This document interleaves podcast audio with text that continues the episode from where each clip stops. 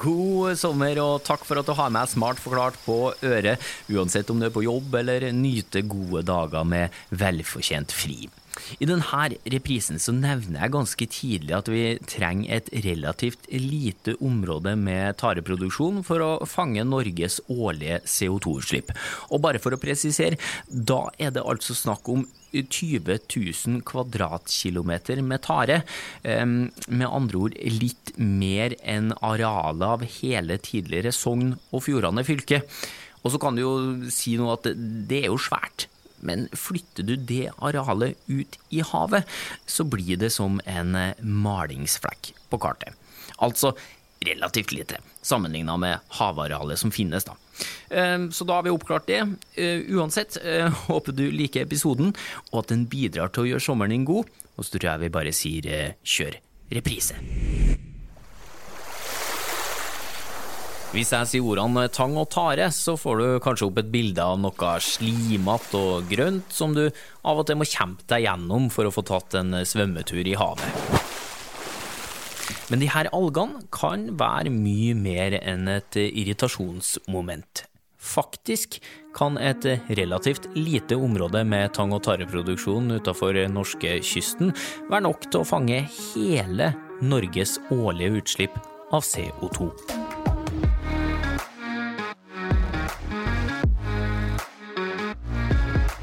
Du hører podkasten Smart forklart med Aksel Faanes Persson. Hjertelig velkommen til en ny episode av Smart forklart, podkasten fra oss i Sintef, der du risikerer å bli litt klokere og få litt større tro på framtida for hver eneste gang du lytter innom.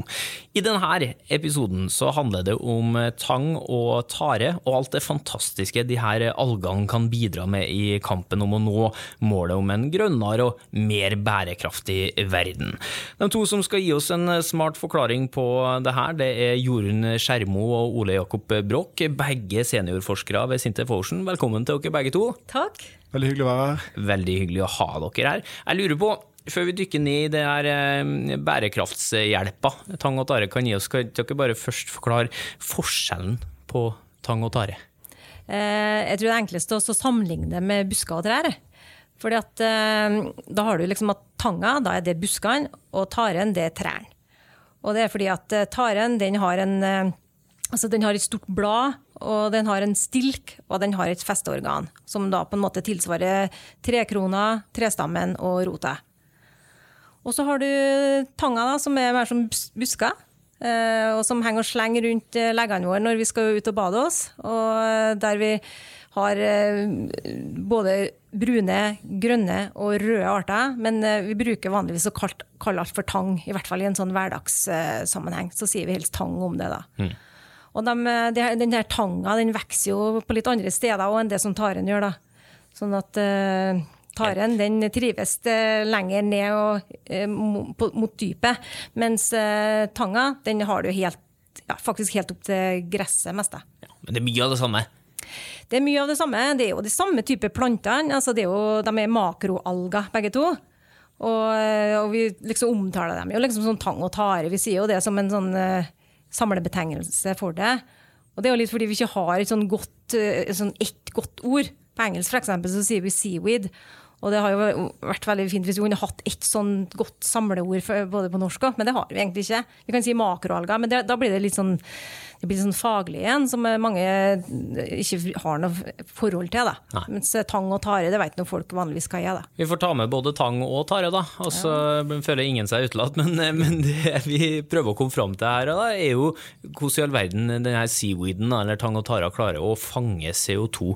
Eh, hvordan får de til det? Det skjer gjennom eh, fotosyntese. Det er jo et eh, begrep som dukker opp veldig ofte når man snakker om planter. Eh, det skjer jo med planter og trær, og de stueplantene man har, de får jo energien sin fra sollyset. Man kan stikke hånden ut i solstrålen og kjenne at den varmer litt. Det er varme strålingsenergi fra solen, men det er selve lyset disse plantene bruker da i fotosyntesen til å høste energi. Og Den energien igjen bruker de da til å ta opp CO2 å bygge eh, strukturen sin, altså bygge selve planten. Da. Sånn som den veden du får i, i treet når du hugger ved, det er jo rett og slett karbon fra fotosyntese. alt sammen. Ehm, ja, så enkelt. Men i den prosessen her så frigjøres det også oksygen. Det er veldig viktig. sånn at den, Det oksygenet er viktig for alt livet på, på jorden for øvrig. Dette er grunnlaget for egentlig alle andre dyr. De spiser det som plantene, den energien, karbonet, som plantene har høstet gjennom fotosyntesen. Og Derfor kaller man det primærproduksjon. Da. Det er det som er grunnlaget for alt annet liv, egentlig. Og I havet så er det sånn at halvparten omtrent av all den primærproduksjonen på jorden, den foregår i havet. Så halvparten av den luften vi puster, den er laget i, i havet. Hmm. Så vi har en regnskog på land som vi alle kjenner veldig godt til, og så har du den regnskogen under vann. Ja. Som er bl.a. Mm. inneholder tang og tare. Da. Eh, og hvis jeg skjønner dere riktig, da, så spiser på en måte tang og tare den CO2-en som vi spyr ut fra f.eks. eksosrøret vårt på biler, og bruker det til å bygge seg sterk ja. og stor. Ja, den gjør faktisk det, altså. Og det har jo med det at eh, CO2-en i atmosfæren den er en likevekt med det som er i havvannet. Sånn at jo mer eh, CO2 vi spyr ut, jo mer vil etter hvert bli trukket ned i havvannet. Da. Så jo mer tare og tang og alger der må vi liksom eh, produsere for å få tatt opp og fjerna eh, den CO2-en. For det her er jo en syklus. Altså det, vi snakker om en karbonsyklus. og eh, vi kan tenke oss at Hvis vi ikke gjør noe som helst, så vil jo det, den syklusen her gå i ring hele tida. Altså plantene tar opp CO2, de blir spist opp, de dyra slipper den CO2-en ut igjen, og så har du ledig CO2 som plantene igjen kan ta opp, og så er det her en syklus. Men eh, pga. at vi nå har så innmari høye CO2-konsentrasjoner i atmosfæren, og vi stadig vekk fyller på med enda mer, da, så er jo dette blitt et problem for oss. Så, så nå må vi liksom jobbe med å få fjerna CO2 vekk fra denne karbonsyklusen. da. Få til en sånn sideloop ut av den. Ja, bare for å ta den òg, hvorfor er det så viktig å bli kvitt denne CO2-en? Det har med at uh, når vi har så høye nivå med, green, med sånne greenhouse gases her, altså, men med drivhusgasser, da, Eh, så er det med å eh, skape en slags drivhuseffekt. Eh, sånn at solstråler, altså varmestråling inn til jorda, ikke slipper ut igjen. Og dermed vil jorda sakte, men sikkert bli varma mer og mer opp, da, som om det var et drivhus. Og at vi har et lokk rundt oss som, som hindrer den naturlige avkjølinga av jorda. Men så, så, fanger altså tang og tare, blant andre ting òg, opp denne CO2-en. Og som du sier, så er det ganske viktig hva vi gjør med den tanga og den taren etterpå. For hvis det da blir spist av fisk, og, og livet går sin gang, så slippes det jo ut igjen. Hvordan kan vi hindre at uh, den lagringa der inni tanga og taren blir sluppet ut? Uh, ja, altså det finnes egentlig flere måter å gjøre det på. Altså, men du må, du, må, du må, jo tenke at da er du nødt til å høste taren. Du må ta den ut av uh, sirkulasjonen her, da. Og en ting kan være også at du høster den, tar den på land, og så lager du produkter der som det karbonet som da blir bundet i det her nye produktet, det vil ikke slippe ut igjen. Og det kan f.eks. være plast. Altså Hvis du har en plast og du ikke ja, i hvert fall passer på at den plasten ikke blir brent opp der, eller eh, ligger ute i naturen og råtner opp, eller noe sånt, så, så vil jo karbonet kunne vært, være bundet i den plasten. Eh, andre ting kan være uh, f.eks. biokull. Og det, da, da, lager du eh, et sånn eh, Altså du, det er en slags forbrenningsprosess, nærmest, eller en Altså du, du, du, behandler taren under eh, høyt trykk og temperatur, sånn at du får laga Det kommer til et slags eh, grillkull i andre enden. Da. Og det grillkullet her, det, der er karbonet bundet, altså. Og det kan det lagres i hundrevis av år, kanskje tusenvis av år. hvis Det, det var ingen som har målt så lenge da, på grillkull. Men, eh, men, hvis du ser for deg det, da, så, så har du faktisk den muligheten. Og, eh, og, det med biokull er faktisk en veldig interessant løsning, syns vi òg. Fordi at eh, du kan blande ting inn i biokull. Som, som du, F.eks. sånne næringsstoffer som jorda trenger, eller gjødselstoffer, eller liksom gunstige bioaktive stimulanter eller noe sånt. Bland det inn i det biokullet her, og så pløyer det her inn i jorda. Og så får du et jordforbedringsmiddel av det. Som både Altså, du tilfører næringsstoffer, og du tilfører òg økt eh, porositet i jorda, økt vannbindingsevne til jorda. Kanskje òg en økt eh, eh varme Eller sånn Hva skal vi si Altså, det blir jo en mørkere farge Kull er jo svart, så du vil ha økt varmeopptak i jorda. Og det kan jo være bra, i hvert fall i Norge. da, I hvert fall i deler av Norge så kan det være positivt. da. Sånn at totalt, det å bruke biokull som jordforbedringsmiddel er veldig bra. Og vi kan lage biokull fra tare. Så da har vi liksom en vinn-vinn-situasjon. Både det at vi får, vi får fanga CO2, lagra det i jorda, og vi får en bedre jordkvalitet med økt uh, mulighet for å produsere mer mat. Det er jo bra. Hvor mye CO2 kan vi potensielt, da, hvis vi tar uh, den skikkelig tabloide vinkelen her nå, hvor mye kan vi potensielt fange utafor norskekysten? Med hjelp fra tang og tare, da? Det er jo eh, holdt på å si, Det er lett å si at det er nesten ubegrenset. Det er jo i teorien. fordi at du kan jo, Det er et spørsmål om å sette av eh, arealer til å dyrke, dyrke tare. Og Da vil de eh, ta opp CO2, så, så, du vil kunne fange den biomassen der. Så er det jo som Jorunn sier, at du må jo mm, ta og, og, gjøre noe med den biomassen etterpå. Det er jo et av spørsmålene her. Hva gjør du med den etterpå? Da har du muligheter til biokull. Du har muligheter for å prøve å få det til å inngå da, i, i, sedimenter og få det til å deponere i, i, havet. på en måte. Det er også en god mulighet, for da vil det tas ut av i hvert fall den umiddelbare vekselvirkningen med atmosfæren. Mm. Men vil vi klare å fange hele verdens eh, CO2-utslipp i løpet av et år gjennom tang- og tareproduksjon? I prinsippet ja, men det vil kreve veldig store arealer. Det vil nok da gå på bekostning av veldig mye annen aktivitet. Så jeg tror det er urealistisk å tro at vi kan ta hele verdens eh, CO2-utslipp i Norge. Men man kan jo tenke seg at man har tilsvarende tiltak andre steder i verden, basert på de naturlige forholdene de har der. Kanskje basert på noen eh, lokale arter av, av eh, ja, da får vi si makroalger igjen, da, eller tang og tare. Seaweed. Seaweeds, og, og, bruke det. Så tilsvarende eh, ting kan være mulig andre steder. Ja. Nei, men det, Bare for å få det tabloide i det, og det liker vi jo at det er en mulighet her. Og så er jo selvfølgelig kanskje ikke helt realistisk da, å teppelegge alt vi har av havrom med tang- og tareproduksjon. Men eh, en ting er å fange det. Eh, så har du allerede vært innom det, Jorunn, at det går an å bruke tang og tare til mye og en del av det vi kan bruke det til, vil jo også gi oss en miljøgevinst. Eh, blant annet møbler, har jeg hørt, og sugerør, sånne ting kan bli laga av eh, tang. Hvordan får vi til dette? Ja, må, altså, Da må du jo lage litt materiale av det. Da. Og, og, altså, og det har jo litt med, med måten eh, taren er bygd opp på. Det at du har karbonforbindelse her. Den er jo en super karbonfanger. Så den har veldig høyt karboninnhold. Og det karbonet kan du faktisk bruke til å lage til materialer. Og de materialene kan du jo bygge det du vil av, egentlig. Altså du, du kan lage sugerør av det, og du kan lage emballasje.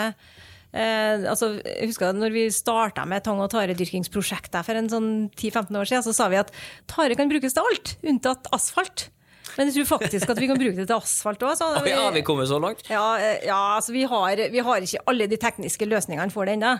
Men, eh, men altså, i teorien så, så kan du bruke det til til, til så mange forskjellige produkter, fordi at uh, du har liksom Du kan knuse det ned til små byggesteiner som du kan bygge opp til nye ting. Så det, det, det er nok der liksom uh, akkurat det utsagnet ligger, da, at uh, liksom, du har den muligheten. På, på, linje med, på linje med andre typer biomasser. Altså, vi får jo kulepenner som er lagd av mais i dag, f.eks. Så, det, så det, det finnes mange eksempler på det at vi, at vi, allerede gjør sånne ting. Men hjelp meg å forstå, da, for hva, hva gjør man da? Blander man det med noe, eller det, kan du bygge det av ren eh, ja, tang- og tarebiomasse? ja. altså det som er poenget, altså Nå er jo ikke kjemiker, så det er ikke så enkelt for meg å forklare det helt riktig. Men poenget er at uh, at vi tar altså her, de karbonforbindelsene ikke sant? Taren er veldig flink til å ta opp masse karbon og, og, og binde det inn i biomassen sin. Og da kan vi bruke kjemiske teknikker til å få knust opp de her molekylene der da, som eh, taren har bygd. Og da får vi små byggesteiner som vi kan bruke til å bygge opp helt nye eh, materialer. Da. Magisk. Jeg har til og med hørt uh, rykter om at jeg har laget en bil da, laget av uh, tareråstoff. En bil? Jeg, jeg har hørt rykter om det, men jeg er litt usikker på om det er sant. da. Det er litt sånn på... Nei, men vi tar med rykter, det liker vi. Har du noe, et, et, et, et eksempel du vet er sant? da? Nei, De har også laget uh, sånne spiselige vannbeholdere av tareråstoff. Så du kan på en måte drikke vann og spise hele uh, kulen med vann. Da Så det er jo, da slipper du å ta med deg hjem noe boss eller noe Tror Jeg brukte det i London Marathon, altså, så var det her delt ut. altså. Det er jo et rykte som jeg har hørt. i hvert fall. Spisbare vannbeholdere, ja. Det jo, og det er jo det herlige med, med tang òg. Hvis vi er inne på smørbrødlista her da, over gode ting med tanga, så er det jo miljøvennlig spisbar mat òg. Ja, det, det, stemmer det. Du kan, du kan, spise det. brukes jo i eh, ganske mye på i mat. Egentlig brukes det jo Det har vært brukt i norsk kosthold i, i, faktisk, eller norsk eller nordisk, da, skal vi si det, i, i tusen år. Det, det, står jo om det i de islandske sagaene at de har spist eh, ikke tang og tare. Det på sånn rød algen søl igjen, da. Men det, la oss kalle det tang og tare. Det har inngått i kostholdet. Det har også vært brukt inngått i dyrefòr og brukt som gjødsel. Og, så det har i grunnen vært brukt i mange av disse Um, tingene som Jorunn nevnte tidligere, egentlig allerede, men i en litt annen, uh, si, en annen tilstand. da. Mm. Og eh, for alle som har spist sushi i det siste, så har dere trolig vært borti tang. Kanskje ikke har merka det, men du har spist det. Og så er litt det der eh, miljøbonusen om vi f.eks. da får bytta ut eh, den, det fôret som oppdrettslaks spiser, med tang. Hva vil det gi oss? Det vil jo gi en stor eh, gevinst, fordi at man vil For det første kan man dyrke alt sammen lokalt. Man vil jo kunne dyrke det i Norge, så man kunne bruke det her i Norge. Så man unngår bl.a. transport av fôr og råstoff til det over lange avstander. Og så går det rett på primærproduksjon igjen. altså at vi, du, du, går lavest steder i næringskjeden. Husk på at hvert nivå man går opp i næringskjeden, i havet og på land, så taper du 90% av energien i hvert ledd.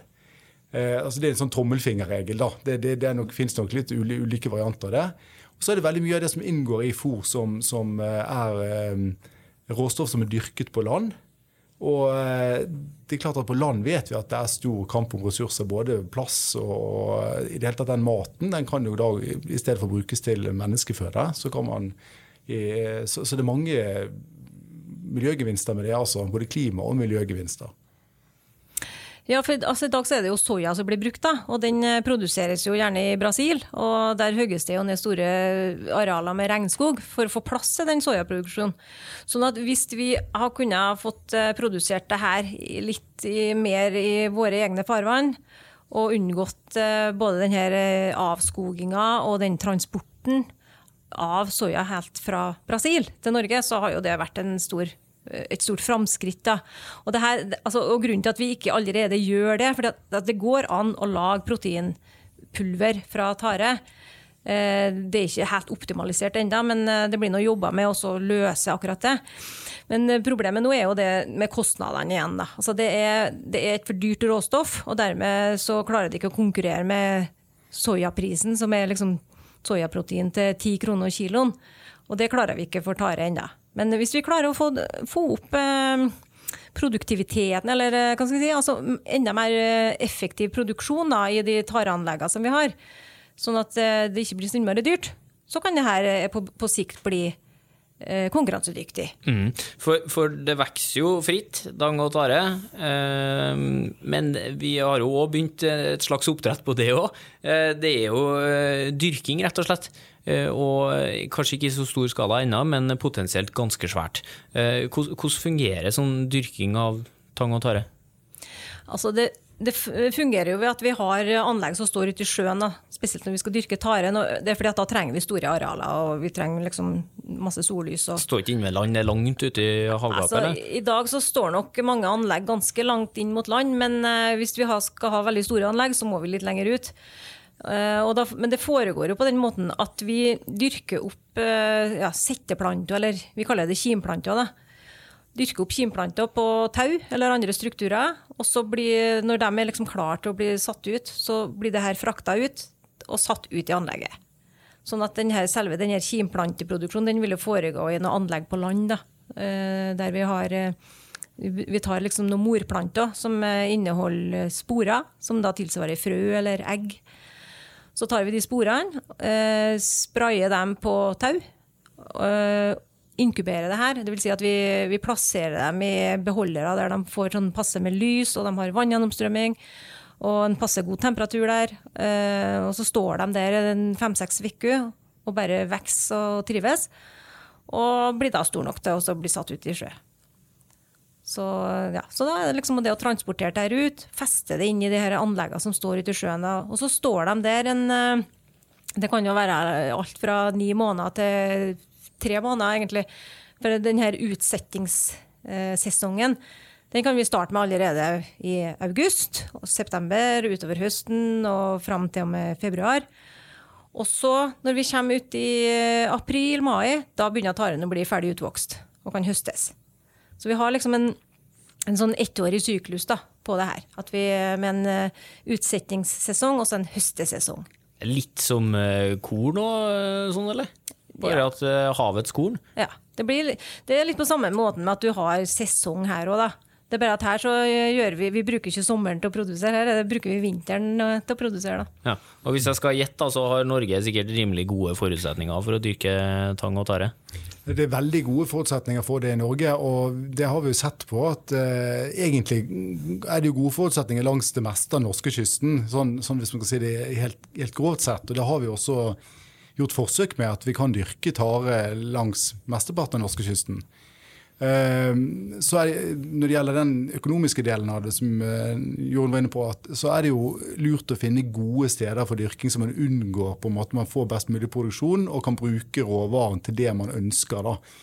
Og Det kan jo være forskjellige ting. avhengig av, altså, av om det er mat du skal ha, så vil du gjerne ha annen kvalitet på det enn hvis du f.eks. bruker det til biokull eller til andre, andre, ting. Og Da er det nok eh, valg av lokalitet og hvor du gjør dette, er ganske viktig. da. Og når du, ikke minst når du høster det inn. At eh, de, gjerne, de er gjerne fine og tynne og, og delikate i, i, tidlig i sesongen, hvis du høster dem på, på, sent på våren f.eks. Og så blir de større og tykkere og, og, og vokser seg mer til i løpet av sommeren. Og i noen tilfeller blir det kanskje også andre organismer begynner å vokse på dem. og sånt Da og da kan man fortsatt bruke biomassen, men det er kanskje mer aktuelt å bruke den til andre ting. da. Men du skal jo huske på det at eh, altså over 80% av den tang og taren som blir dyrka i verden i dag, den havner i mat før eller siden. Enten at det, kanskje halvparten av det blir spist sånn direkte, da, sånn som vi spiser salat og potet og sånn. Mens eh, en veldig stor del av det blir også brukt for å lage ingredienser da, som etter hvert havner i mat. Sånn at eh, liksom, mat og, og, det med fôr, altså det er jo det som er liksom, hovedanvendelsene. Mm. Men eh, hvis vi skal tilbake til den CO2-fangsten, er den så veldig nyttig hvis den går i maten vår? Eh, nei, egentlig ikke. Uh, og det har jo med at hvis du bare bruker det i mat og fôr, så har det jo da, da, vil du i beste fall få til karbonnøytralitet. Du, du, vil ikke klare å fjerne det ut av karbonsyklusen. Men du kan erstatte produkter som har et styggere eh, fotavtrykk enn taren. da. F.eks. denne soyaen igjen, da, som vi mener har et mm. dårlig fotavtrykk. Sånn at hvis du, vi får produsert eh, protein fra tare på en sånn måte at, du, at den får et snillere fotavtrykk, så er jo det en, eh, noe som kan bidra positivt i en sånn klimasammenheng. da.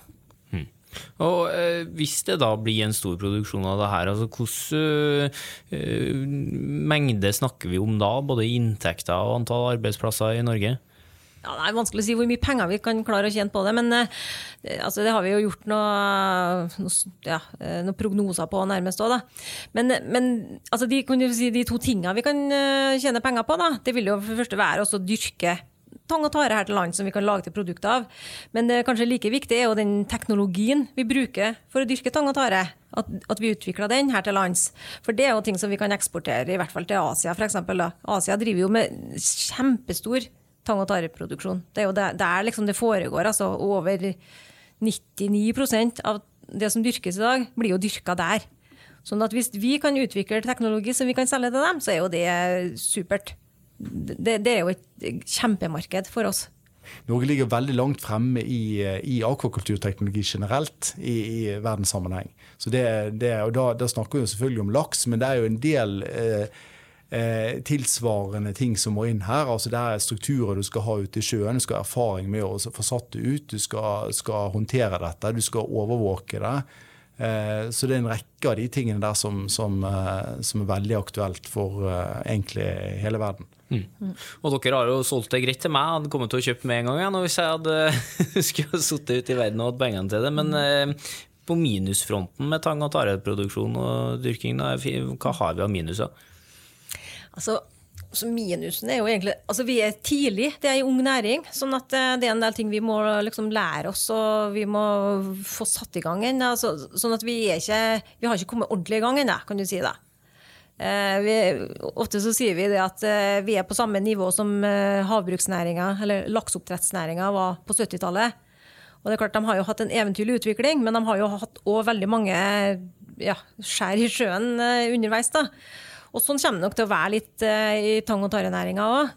Men, uh, men, samtidig så Det at det foregår en så stor produksjon på verdensbasis, det at vi har så gode forhold for å dyrke her til lands, og det at vi har den gode teknologigrunnlaget, da, den marine teknologien som vi har i Norge, som Ole Jakob nettopp snakka om, uh, vi har liksom et så supert utgangspunkt for det. Så, så, det er jo ingen tvil om at det her vil bli en, eh, en, viktig næring. Og så er det jo vanskelig å si akkurat hvor stor, men eh, det vil jo tida vise. da. Mm. Men hvis det er så bra for miljøet, eh, hvis det kan hjelpe oss med så mange av klimautfordringene vi har, og hvis det i tillegg kan brukes til mat og alt det andre vi har nevnt her, da, hvorfor i all verden er ikke full produksjon, flust av tang- og taredyrking utenfor norskekysten allerede nå?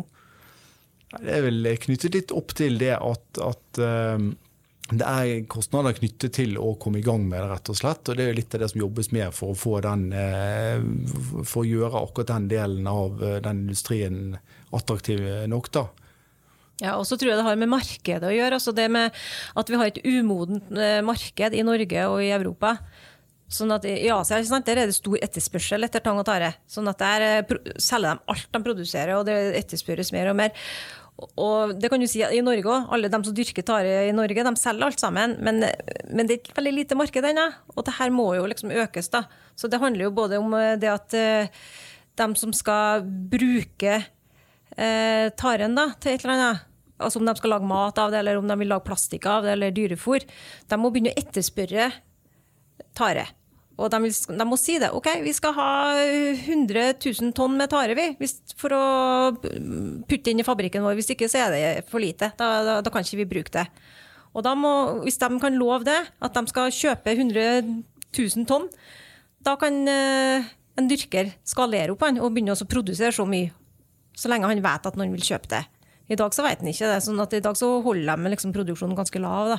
For de, de må jo sikre at de har en kjøper. Så det, sånn henger det nå sammen. Jeg tenker dere bare må få lov til å fortsette med den forskninga deres, sånn at eh, vi får fart på denne utviklinga av tang- og tareproduksjon, eh, sånn at verden til slutt kan eh, reddes. Tusen takk for at dere tok dere tid til å ta turen innom her i Smart forklart, Jorunn Skjermo og Ole Jakob Rock. Tusen takk. Ja, takk for at vi fikk komme. Takk også til deg som eh, hører på oss, det setter vi enormt stor pris på at du gjør. Og hvis du vet av noen andre som eh, vil ha nytte av å lytte innom oss, så må du gjerne tipse dem om eh, Smart forklart.